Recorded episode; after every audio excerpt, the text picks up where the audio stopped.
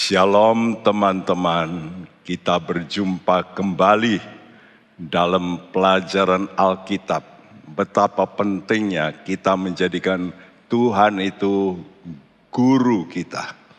Dalam Yohanes 13 waktu dia mau berpisah dengan muridnya, dia berkata, engkau menyebut aku guru dan Tuhan. Hanya orang yang betul-betul menjadikan Yesus itu guru, dia dapat baru dapat betul-betul menjadikan dia itu Tuhan.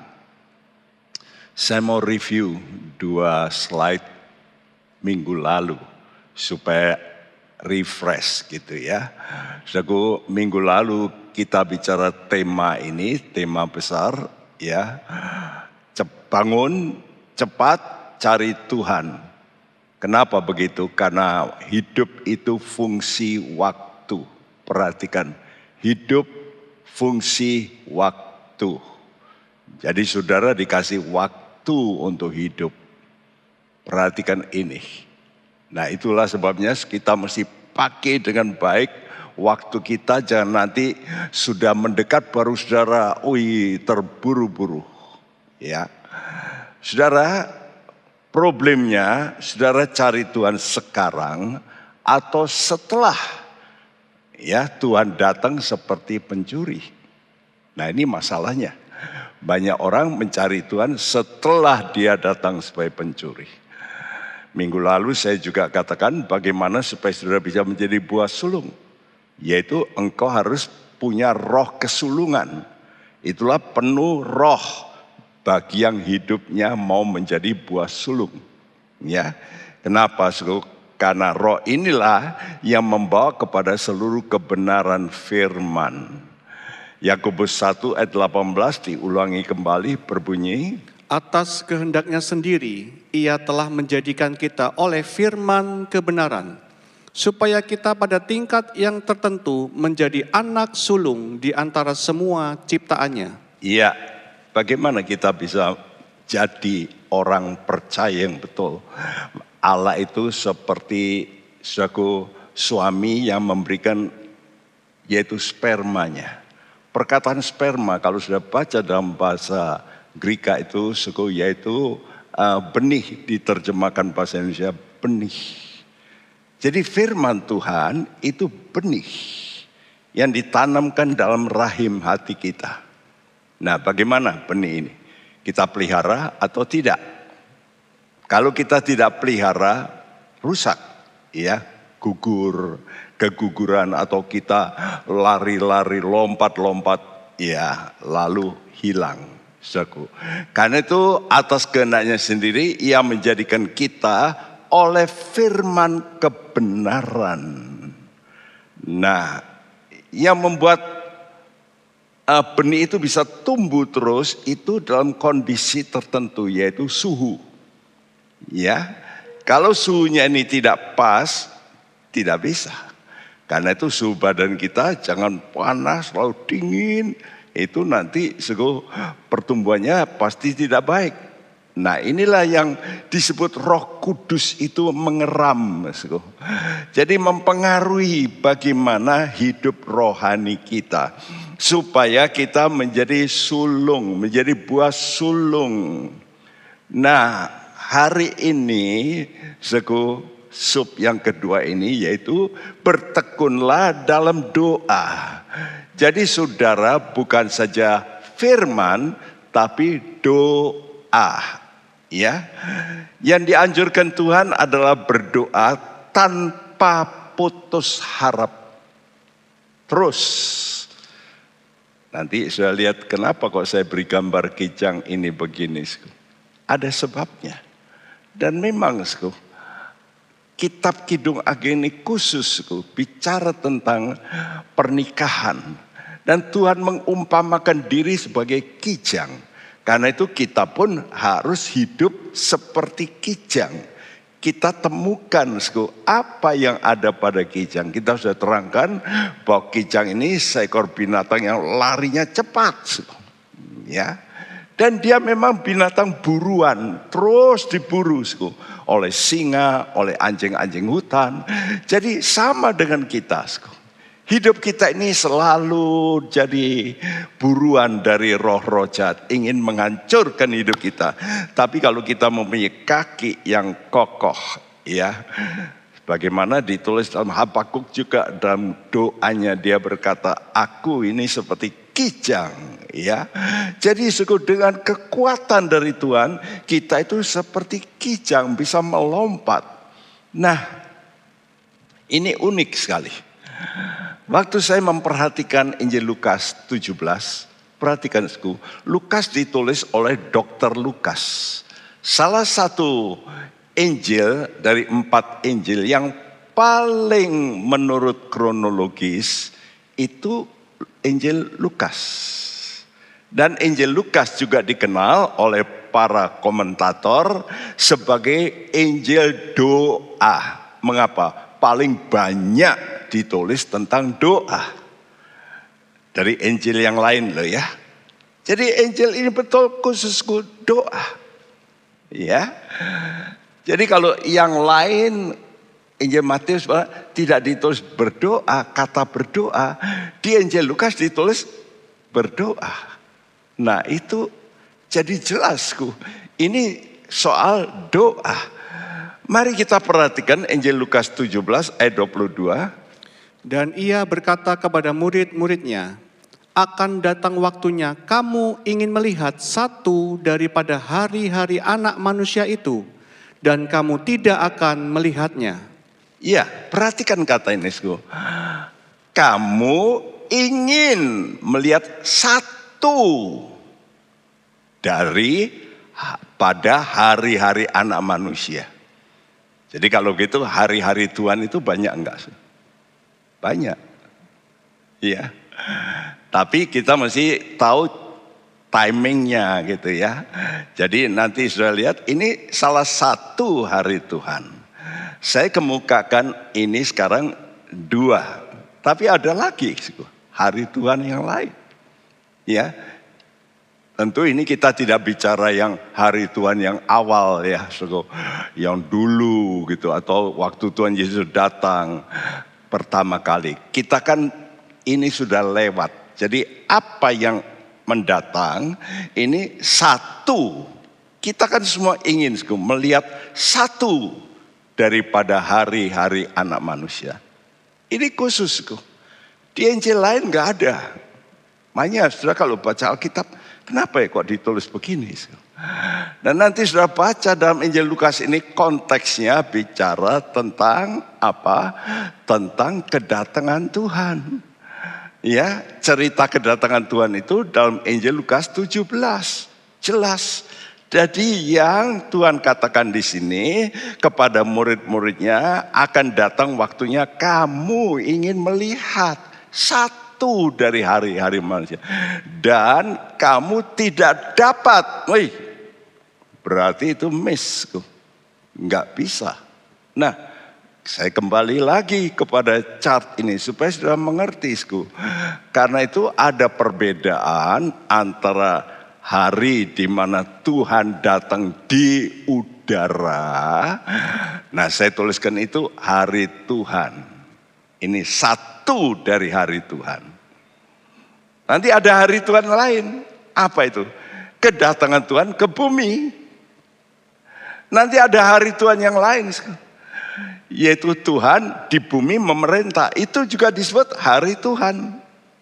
Nah, jadi sudah lihat di sini, apa itu hari-hari Tuhan? Yaitu ini. Kalau sekarang kita bicara dua poin ini dulu, yaitu kedatangan Tuhan di udara dan kedatangan Tuhan ke bumi. Jadi ini beda sekali. Banyak orang tidak mempercayai rapture. Taunya cuma hari kedatangan Tuhan ke bumi. Karena itu mereka tidak siap untuk rapture. Ya, tapi kita yang ingin menjadi buah sulung harus percaya firman nubuat itu sebelum terjadi. Kenapa? Kalau sudah nanti rapture pertama, maka terjadi yang namanya sengsara ada permulaan sengsara dan sengsara besar dan ini sudah mendekat. Kenapa, Sku? Karena orang-orang yang akan menyengsarakan gereja itu sudah muncul semua hari-hari ini. Dulu masih Sku, tertutup-tutup, sekarang ini sudah kelihatan. Sku. Nah, perhatikan Injil Lukas 17 ayat 22 ini ini jawaban ya dari pertanyaan ayat sebelumnya yaitu ayat 20 dan 21. Tolong bacakan. Atas pertanyaan orang-orang Farisi, bilakah kerajaan Allah akan datang? Yesus menjawab katanya, kerajaan Allah datang tanpa tanda-tanda lahiriah. Juga orang tidak dapat mengatakan, lihat, ia ada di sini, atau ia ada di sana, Sebab sesungguhnya kerajaan Allah ada di antara kamu. Nah, saudara mesti membedakan kerajaan sorga dengan kerajaan Allah. Kerajaan sorga itu nanti berarti kerajaannya Tuhan Yesus ya di bumi seperti di sorga. Nah itu kerajaan sorga. Tapi kalau kerajaan Allah ini terus dari awal itu kerajaan Allah. Jadi jagat ini memang kerajaannya ya. Nah, ini pertanyaan dari orang Farisi, ya. Karena mereka itu juga ingin tanda gitu ya. Tuhan jawab, kerajaan Allah akan datang tanpa tanda. ya, Apakah tidak dikasih sign? Betul ada sign, tapi tidak seperti ini. Orang mengatakan, lihat-lihat, di situ loh, Yesus itu, Mesias itu, Mesias. Ayo, ayo ke sana, ayo kita bertobat. No, ya tidak seperti itu. Makanya dulu waktu Yesus datang ke bumi, mereka anggap itu Mesias dan mereka, yuk ini ini raja, ayo ayo kita angkat dia jadi raja. Tuhan kata, no, karena mereka pikir seperti itu. Makin lama makin pengikutnya makin banyak, makin banyak, makin kuat. Seperti mereka ingat Daud dulu kan begitu. Dari 400 jadi 600, lalu satu suku, lalu 12 suku. ya Kan kelihatan seperti itu. Nah itu bisa dilihat. ya Tapi kata Tuhan tidak begitu. ya Kerajaan Allah itu ada di tengah kamu. Jadi pikiran orang Yahudi itu kerajaan Allah itu datang dengan cara menanjak yang kelihatan dengan mata. Seperti Daud dulu. Ya, pertama dia suku diurapi, setelah itu ya dia lalu suku uh, menyingkir 400 orang dan terusnya terus terus naik naik. Ya, ternyata tidak begitu. Nanti kalau Tuhan datang kedua kali, tidak caranya begitu. Roma 14 ayat 17 mengatakan apa? Sebab kerajaan Allah bukanlah soal makanan dan minuman, tetapi soal kebenaran, damai sejahtera dan sukacita oleh roh kudus. Ya, jadi kerajaan Allah itu tidak nampak. Nah kalau nggak nampak apa? Rohani. Nah kalau rohani apa yang kuncinya? Soal apa? Kebenaran. Ya kamu mau hidup benar enggak? Kalau kamu mau benar, permulaan tentu dibenarkan melalui darah Yesus karena engkau percaya, engkau dibenarkan. Tapi setelah itu engkau mesti benar dengan apa? Nurut firman. Ya, kalau kamu begitu, nanti hasilnya itu damai, sukacita. Jadi sebetulnya saudara bisa cek, recheck Apakah kerajaan Allah ini masih tetap ada dalam hati kita? Setiap saat. Kalau sudah kehilangan damai, itu hilang tuh kerajaan Allah. Karena kerajaan Allah itu kebenaran. Jadi kalau ada yang gak benar, terganggu ini. Damai sejahtera dan sukacita. Karena itu kalau orang-orang yang kerajaan Allahnya on off on off, ya begitulah mukanya jadi on off on off. Kita harus terus ke dalam suasana damai dan sukacita oleh Roh Kudus. Karena itu dua hal ini paling penting yaitu hidup dalam kebenaran firman Tuhan dan berdoa dalam Roh Kudus. Karena itu Tuhan mengajar kenapa? Dalam doa, datanglah kerajaanmu. Benar enggak? Jadi sebetulnya engkau bisa mengundang yang tidak kelihatan ini tiap-tiap hari. Di mana? Dalam doa. Datanglah kerajaanmu. Ya. Jadi mereka diberi koreksi. Nanti sudah baca Injil Lukas 17 ini. Nanti mereka akan berkata, lihat di sana, lihat di situ. Ya, tidak ada waktu kerajaan nanti kalau dia datang itu tidak ada waktu untuk pergi melihat di sana. Yuk, yuk, ini lagi di di Amerika kerajaan Tuhan hadir. Ini kalau ini namanya ya itu namanya KKR. Ya, mungkin terjadi dulu kan begitu di Toronto, wih dari Indonesia datang, di Korea datang, mau melihat kerajaan Allah dan memang kita rasakan hadirat Tuhan. Pensacola. Saya datang sendiri bukan melulu ke situ, tapi oleh karena mengantarkan anak saya yang harus nunggu untuk bisa dari Hawaii diterima di Regent College di Kanada. Dia mesti nyiapkan ini itu, yuk kita pergi ke Pensacola. Dan saya melihat sendiri orang menunggu kerajaan Allah ini dalam rohani. Jam 7 pagi mereka sudah pasang tenda di depan gereja. Acaranya jam 7 malam. Supaya dia bisa nomor satu masuk, dia bawa alat-alat tenda. Persis di depan pintu gereja. Sampai begitu. Dan dari Amerika datang itu banyak. Saya kan tidak mau begitu. Saya untung kan kelihatan orang dari luar negeri. Saya lewat pintu belakang karena memang dikasih jalur pintu belakang. Ya, nah Tuhan kasih tahu bagaimana kedatangannya Lukas 17 ayat 24. Sebab sama seperti kilat memancar dari ujung langit yang satu ke ujung langit yang lain. Demikian pula lah kelak halnya anak manusia pada hari kedatangannya. Ya, Tuhan selalu berkata anak manusia, anak manusia. Kenapa? Karena banyak orang tidak mempercayai Yesus jadi manusia. Jadi mereka cuma percaya Mesias, Mesias itu Allah, ya. Tapi jelas di sini Mesias itu sang yang diurapi itu itu betul-betul manusia, tapi yang sudah diproses Ya. Jadi nanti kedatangan anak manusia ini juga akan mendadak. Oleh karena mendadak lalu mendadak juga. Nah ini yang banyak tidak diketahui. Perpisahan yang mendadak di mana-mana. Waduh, widuh, mana suamiku? Mana istriku?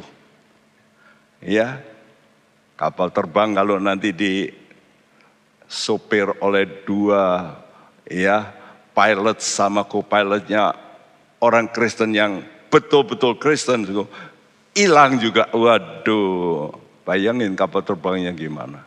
Eh, mobil-mobil tabrakan di mana-mana ya. Jadi nanti ada perpisahan dan pesan Tuhan dalam ayat-ayat ini pesannya yaitu kamu mesti berdoa dan berjaga-jaga senantiasa. Watch and pray. Ya, ini selalu Tuhan ngomong. Kalau bicara kedatangannya dia selalu berkata berjaga-jaga.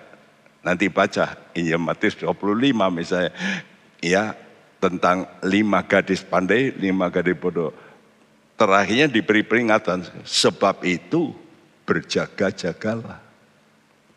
Ya, jadi kedatangan Tuhan di udara itu seperti pencuri, betul nggak? Dan pasti, pasti terjadi waktu malam. Ini pencuri model dulu loh ya. Kalau model sekarang ya malam, pagi, siang nggak masalah. Tapi kalau dulu mesti orang lagi tidur. Ya, terlena. Sekarang dikasih obat bius supaya tertidur.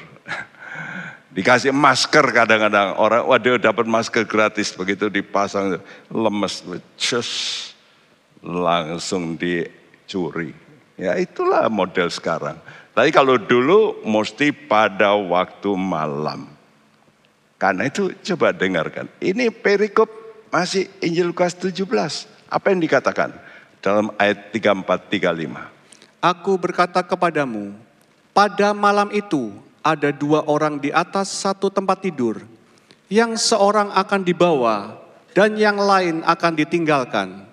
Ada dua orang perempuan bersama-sama mengilang, yang seorang akan dibawa dan yang lain akan ditinggalkan. Iya, ini jelas kalau bicara tentang di tempat tidur itu pasti suami dan istri.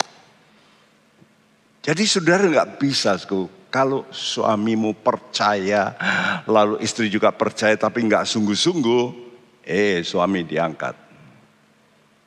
Kalau istri yang sungguh-sungguh, suami diang, uh, istri diangkat.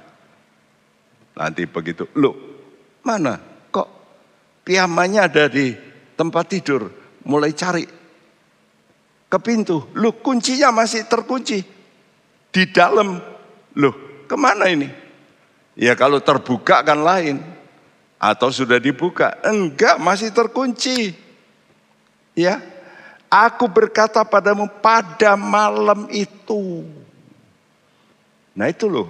Satu dari hari-hari anak manusia. Dan itulah pencuri datang waktu malam. Dikatakan apa? Yang seorang akan dibawa yang lain ditinggalkan. Ada orang perempuan bersama-sama menghilang. Jadi bersama-sama karyawan bank misalnya. Sama-sama kerja, ya. Teman sejawat, teman seiman. Eh, baru mau baik, eh, kasihkan ini loh. Kamu tanda tangan kepada pimpinan. Di, hilang, loh ke mana nih? Nanti akan terjadi begitu. Yang celaka ibu-ibu bayi. Bayinya yang terangkat. Loh anakku ke mana? Ya seperti di sini saya lihat gambar ini. No, kok tinggal bajunya gimana ya? Ya ini akan terjadi, ada perpisahan. Karena itu pesan Tuhan, waktu kedatangannya itu dapat kita baca. Nanti baca Matius 24, ayat 42 sampai 44. Yang saya tulis ini Markus. Kenapa saya ambil Markus? Karena Injil Markus adalah Injil untuk hamba-hamba. Ya khusus. Kalau Matius itu berita Injil kerajaan. Tapi kalau Markus itu Yesus sebagai hamba. Jadi kita pun harus seperti hamba ya, hamba yang harus melayani Tuhan. Nah, bagaimana sikap kita sebagai hamba? Markus 13 ayat 32 sampai 37. Tetapi tentang hari atau saat itu tidak seorang pun yang tahu. Malaikat-malaikat di surga tidak dan anak pun tidak, hanya Bapa saja. Hati-hatilah dan berjaga-jagalah, sebab kamu tidak tahu bila manakah waktunya tiba. Dan halnya sama seperti seorang yang bepergian, yang meninggalkan rumahnya dan menyerahkan tanggung jawab kepada hamba-hambanya, masing-masing dengan tugasnya, dan memerintahkan penunggu pintu supaya berjaga-jaga. Karena itu berjaga-jagalah, sebab kamu tidak tahu bila manakah tuan rumah itu pulang, menjelang malam, atau tengah malam, atau larut malam, atau pagi-pagi buta, supaya kalau ia tiba-tiba datang, jangan kamu didapatinya sedang tidur. Apa yang kukatakan kepada kamu, kukatakan kepada semua orang, berjaga-jagalah. Apa yang kukatakan padamu, kukatakan pada siapa? Semua orang. Jadi perhatikan, oh ini untuk murid Tuhan. Enggak. untuk semua orang. Entah dia orang Kristen atau bukan, dengar tuh. Banyak orang Kristen, uh, orang yang tidak Kristen tidak ngerti apa-apa tentang oh cuma taunya corona, corona. Waduh, nanti ketemu ya uh, vaksinnya. Dan banyak orang Kristen pun tidak ngerti tentang jadwal kedatangan Tuhan. Jarang gereja menerangkan. Paulus menegur dalam surat 2 Tesalonika dikatakan, tidakkah aku kerap kali menyatakan itu? Loh, Paulus ini dulu dari dulu, itu 2000 tahun lalu. Menyatakan kedatangan Tuhan. Sehingga jemaat Tesalonika itu, wow betul-betul menganggap waktu itu sepertinya sudah dekat.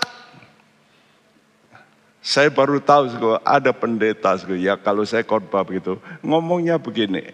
Ah, tiap kali cerita kedatangan Tuhan, mana Tuhan datang? Baru beberapa minggu saya dikasih tahu. Ya dulu dia tidak mau kasih tahu. Karena itu pendetanya gitu. Ya. Tapi belakang ini baru kasih tahu. Itu kalau Pak Bekti datang ke tempatnya dia itu, dia ngomong begitu Pak Bekti. Waduh, saya berkata celaka ini. Ya, Saudara, kata tidak tahu dituliskan sampai tiga kali. Kamu nggak tahu, kamu nggak tahu. Kata berjaga-jaga dituliskan empat kali. Jadi saya kembalikan. Ini dua kali tidak tahu, tidak tahu. Yang putih. Yang berjaga sekali ini, tapi disertai hati-hati. Sekarang ditambah yang putih sekali, tidak tahu. Ya, yang biru ditambah tiga, jadi empat kali. Ini tidak tahunya tiga kali. Ya, berjaganya empat kali.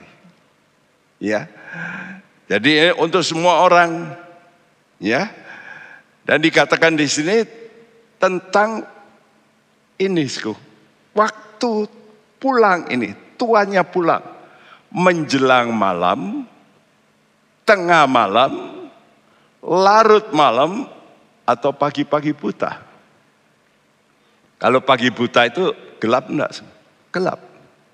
Kalau malam itu apa? Nah, jadi sudah melihat waktu kedatangannya jelasku tidak diketahui hari dan jamnya saatnya itu persis di oh ini ada orang berkata nanti tanggal sekian Tuhan datang.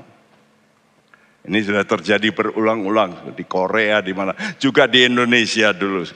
Seorang pendeta dari Papua. Lalu wih pengikutnya banyak ke Bandung tuh. Sampai setelah itu enggak terjadi pendetanya ditangkap itu orang-orang yang dari Papua itu, waduh, saya pikir saya sudah nggak bawa apa-apa. Tuhan mau datang. Lalu ya terpaksa salah satu gereja kita di Bandung menampung orang-orang yang itu. Orang Jawa bilang keleleran gitu. Gimana ya? Jadi apakah betul tidak tahu? tahu. Satu Tesalonika berkata tentang ya zaman dan masanya kamu tahu. Tahu apa, Sko? Jadi saudara mesti tahu, Sko, waktunya itu malam, tengah malam, larut malam, pagi-pagi buta. Kalau dalam bahasa Inggris kata even, even itu mulai menjelang jam 6 itu loh. Ya, good evening. Nah itu. Kata malam ini berarti dalam bahasa aslinya pergantian hari. Karena orang Yahudi itu menghitung hari, misalnya nanti ya, ini hari apa nih? Ya, dalam PA tentu ini hari Jumat. ya, hari Jumat. Nanti malam itu Nah setelah jam 6 malam orang Yahudi bilang itu Sabtu. Jadi ganti hari, malam itu ganti hari.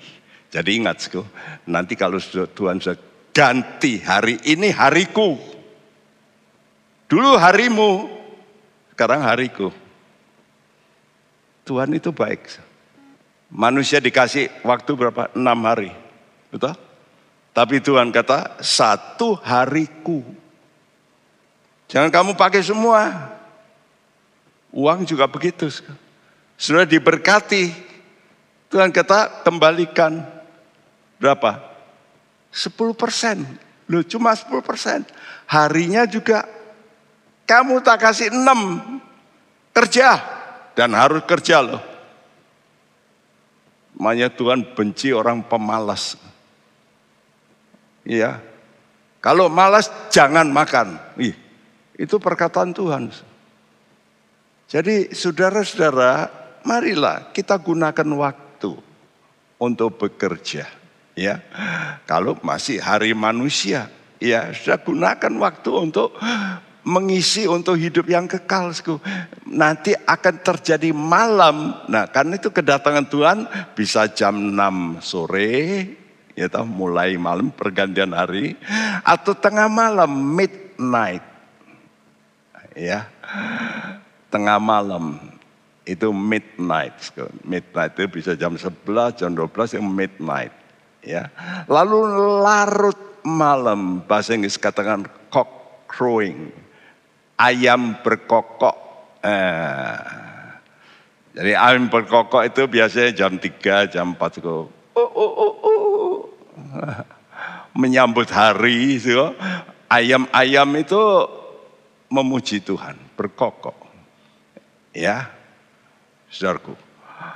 Lalu larut, ya, eh, pagi-pagi buta. Ya bisa jam 5, pagi-pagi buta. Jadi waktunya itu kalau orang Israel 6 sampai 9 itu malam. 9 sampai 12 itu tengah malam. 12 sampai 3 larut malam. 3 sampai 6 itu pagi-pagi buta. Jadi yang terpenting saudara harus mengantisipasi. Kita nggak tahu yang mana ini. Malam, tengah malam, larut malam, atau pagi-pagi buta. Hidup kita mesti apa? Berjaga. Entah kapan mau datangnya ini, entah malam, entah tengah malam, entah larut malam, entah pagi-pagi buta, pokoknya gelap. Pagi-pagi buta juga gelap. Dan perhatikan, kenapa ini dihubungkan dengan kijang? Karena kita belajar kijang. Ternyata saya pelajari, kijang ini beda dengan hewan-hewan lain semua. Dalam hal tidurnya. Semua orang butuh tidur. Ya, singa butuh tidur. Wih, tidurnya lebih lama. Ya, tapi kijang enggak ya? Saya baca, sku. kijang butuh cuma tiga jam. Ya, karena itu sementara dia duduk begitu, dia terwaspada. Karena itu telinganya terus di atas. Ini selalu antenanya ini. Ya, dia tidurnya itu seperti apa ya orang kalau jauh bilang ngelilir gitu ya. Jadi ya seperti tidur ya enggak gitu. Tidur-tidur ayam gitu. Ya, ayam aja tidur. Ya. Tapi disebut tidur-tidur ayam. Ya. Tapi ini betul-betul dia standby always. Jadi dia betul-betul tidur itu sambil begitu standby tapi tidur bisa set, set. Di total cuma tiga jam untuk relaksasi otot-ototnya supaya bisa pulih ya. Jadi ini jam biologis berbeda dengan hewan-hewan lain.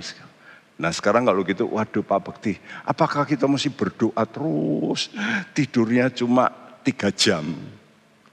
Tidak begitu maksudnya. So. Ya, maksudnya saudara itu tidur tetap yang diminta yang baik itu 8 jam ya toh. Kalau sudah tua mungkin 7 jam ya. Makin tua lagi 6 jam sudah cukup. Kalau anak bayi bisa wih 20 jam kan begitu ya. Tapi yang penting itu kamu harus mawas rohmu itu jangan tidur. Nah, itu nggak boleh. Roh tertidur itu. Ya. Jadi kijang ini tidurnya cuma sebentar. Begitu juga kita. Kadang-kadang kita kalau misalnya pergi keluar kota ya, kadang-kadang kita itu hubungan dengan Tuhan itu kadang-kadang off. Apalagi lagi mainan apa gitu ya. Sego. Tapi kalau dalam kesusahan, wah itu dekat itu. Ya. Jadi kata Tuhan Siapa yang bahagia? Bahagia itu orang yang percaya tanpa melihat. Ya, hari Tuhan. Nah, waktu Tuhan datang sebagai pencuri, orang lain tidak lihat.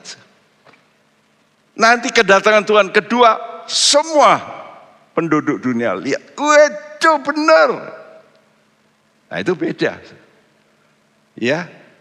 Nah Siapa yang bahagia? Buah sulung gereja. Orang nggak lihat, dia sudah diangkat. Ya. Nah inilah saya katakan saudara mesti jadi hamba. Entah pendeta, entah orang kaya. Jangan berkata, oh saya raja, saya nggak mau hamba. Lo hidupnya Yesus dulu, hamba dulu, baru nanti jadi raja. Kita juga begitu. Walaupun kita ini orang mungkin berkedudukan tinggi, sifatmu di hadapan Tuhan tetap harus sebagai hamba. Ya. Jadi hamba yang berjaga-jaga itu nanti berbahagia. Ya yaitu hamba itu mesti bertekun dalam pelayanan. Lukas 12 ayat 35 sampai 37. Hendaklah pinggangmu tetap berikat dan pelitamu tetap menyala. Dan hendaklah kamu sama seperti orang-orang yang menanti-nantikan tuannya yang pulang dari perkawinan, supaya jika ia datang dan mengetuk pintu, segera dibuka pintu baginya. Iya, stop di sini dulu. Jadi yang penting apa? Hendaklah pinggangmu tetap berikat. Ini artinya standby. Ya, kalau Tuhan perintahkan, oke, okay. jadi enggak, saya enggak mau. Ya, dan pelitamu tetap menyala. Berarti apa? Minyaknya masih terus. Betul? Ya, apinya jangan padam. Nah kita juga gitu, spirit kita ini mesti terus menyala. Dan tetap siap melayani Tuhan. Ya, dan seperti orang yang menanti-nanti tuannya. Terus mempunyai hati. Kapan Tuhan datang? Kapan Tuhan datang? Kapan Tuhan datang? Ya, supaya begitu ketok pintu, just, langsung dibuka. Ya. Nah kalau dibuka, lalu ternyata come up, naik. Lalu ayat 37 berkata, Berbahagialah hamba-hamba yang didapati tuannya berjaga-jaga ketika ia datang. Aku berkata kepadamu, sesungguhnya ia akan mengikat pinggangnya dan mempersilahkan mereka duduk makan dan ia akan datang melayani mereka. Luar biasa. Kita lebih dulu melayani Tuhan. Nanti Tuhan melayani kita. Ia akan mengikat pinggangnya, Yesus. Mempersilahkan, yuk duduk. Kan gitu ya, kalau sudah diundang oleh oh, pembesar, tapi datang ke rumahnya atau ke kantornya. Ya saya kalau ketemu dengan wali kota, eh Pak Bekti duduk, duduk. Siapa yang mempersilahkan? Ya wali kota. Nah seperti itu. Ya. Jadi sudah itu nanti dipersilakan duduk makan. Dan ia akan datang melayani. Wih. Lihat. Kalau saudara sekarang melayani Tuhan dengan baik, maka dia nanti melayani engkau. Kenapa? Ini contoh apa? Suami istri, betul enggak? Makanya saya melihat kadang-kadang ada suami-suami yang terus harus dilayani istri. saya mula menikah tidak begitu. Tidak nunggu harus selalu dilayani istri. Apalagi sudah kena bom. Saya yang lebih cekatan. Ya. Jadi coba belajar melayani di rumah dulu. Ya. Nah orang-orang yang begini ini akan diundang Tuhan dalam Injil Lukas 22. Sku. Ya, kamu yang ikut aku itu nanti akan makan minum semeja dengan aku. Wih, bayangin lu, sudah nanti bisa semeja dengan Tuhan. Wah ini orang VVIP, betul nggak? Kalau saudara semeja dengan diundang khusus presiden, wah itu pasti orang, wih siapa ya? Lukas 22 ayat 27 sampai 30. Sebab siapakah yang lebih besar, yang duduk makan atau yang melayani?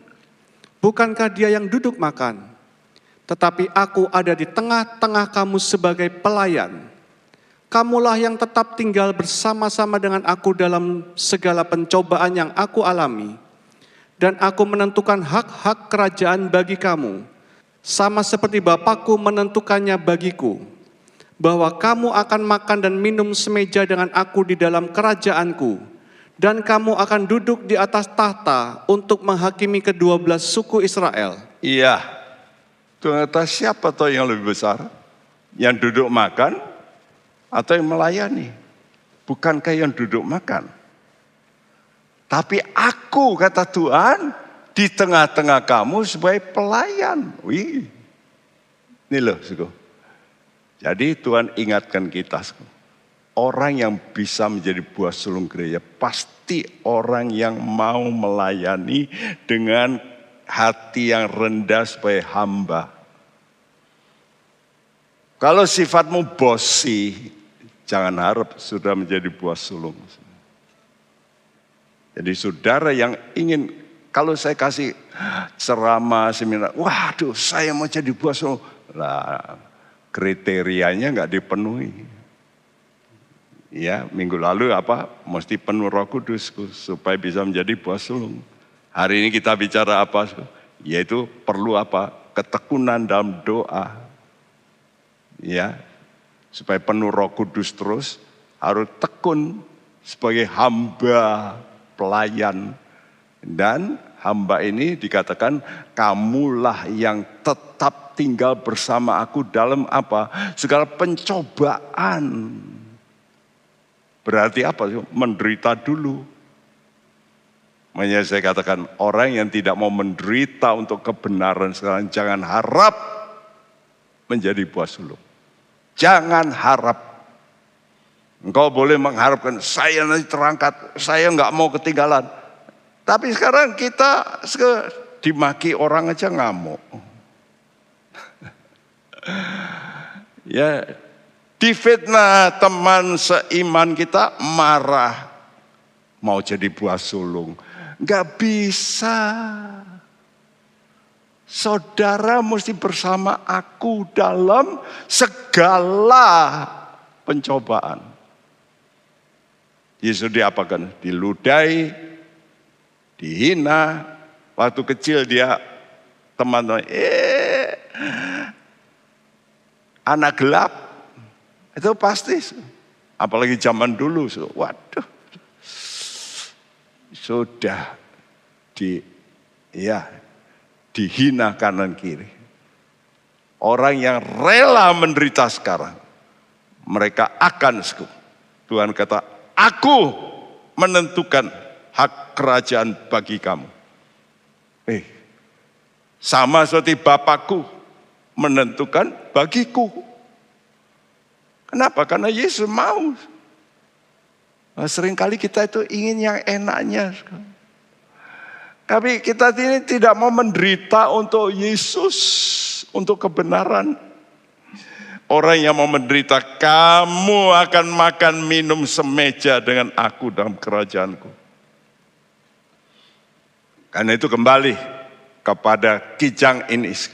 Ya, siapa yang menjadi buah sulung ini digambarkan dalam Kidung Agung 3 ayat 1 sampai 4a.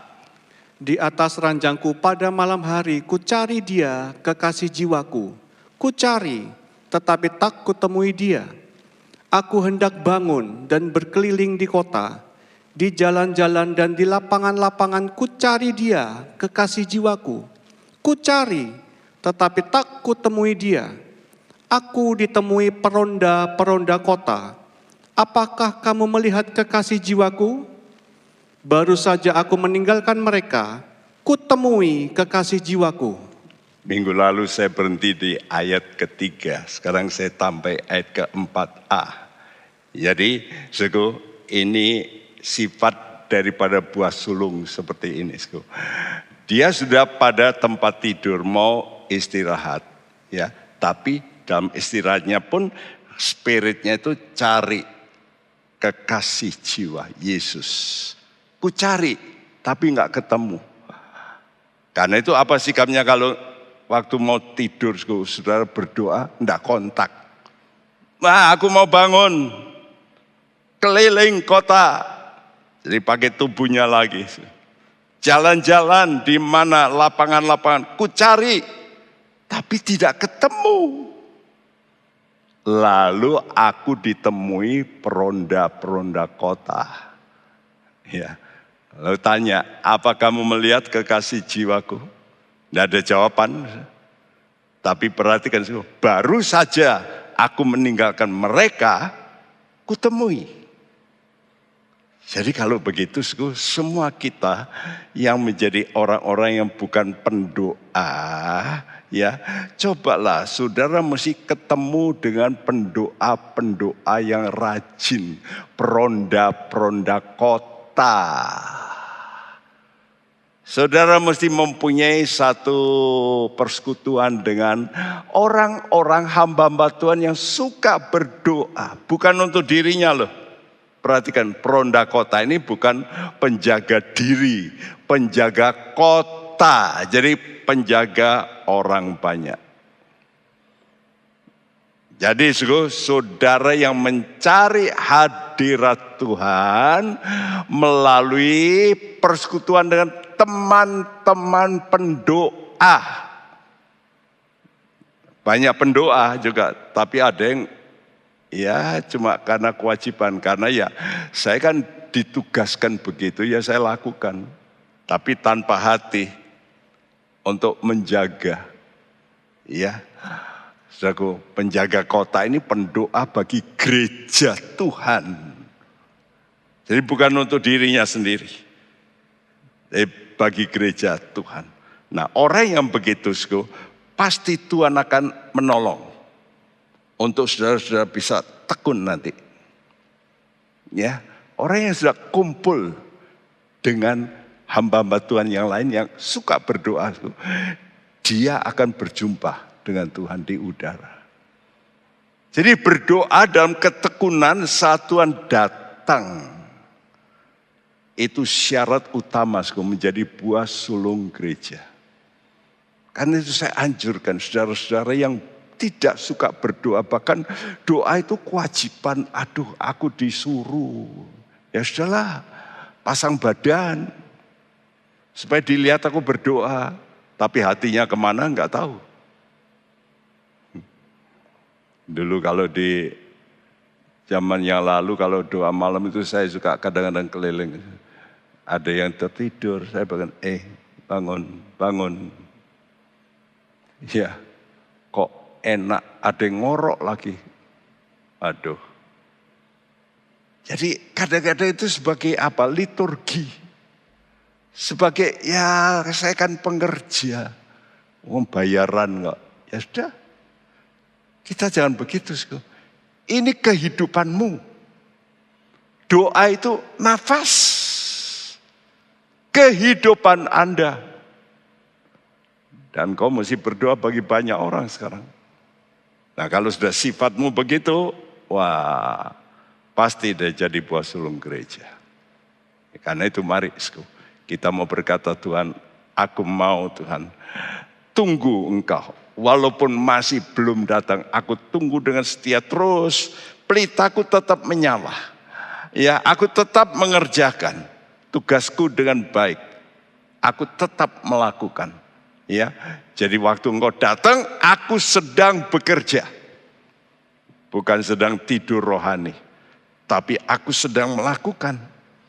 Karena itu nyanyian ini nyanyian lama. Kita mesti belajar bisa menunggu. Walaupun lebih lama. Gak apa-apa. Tunggu lebih lama gak apa-apa. Lu Tuhan kok belum datang.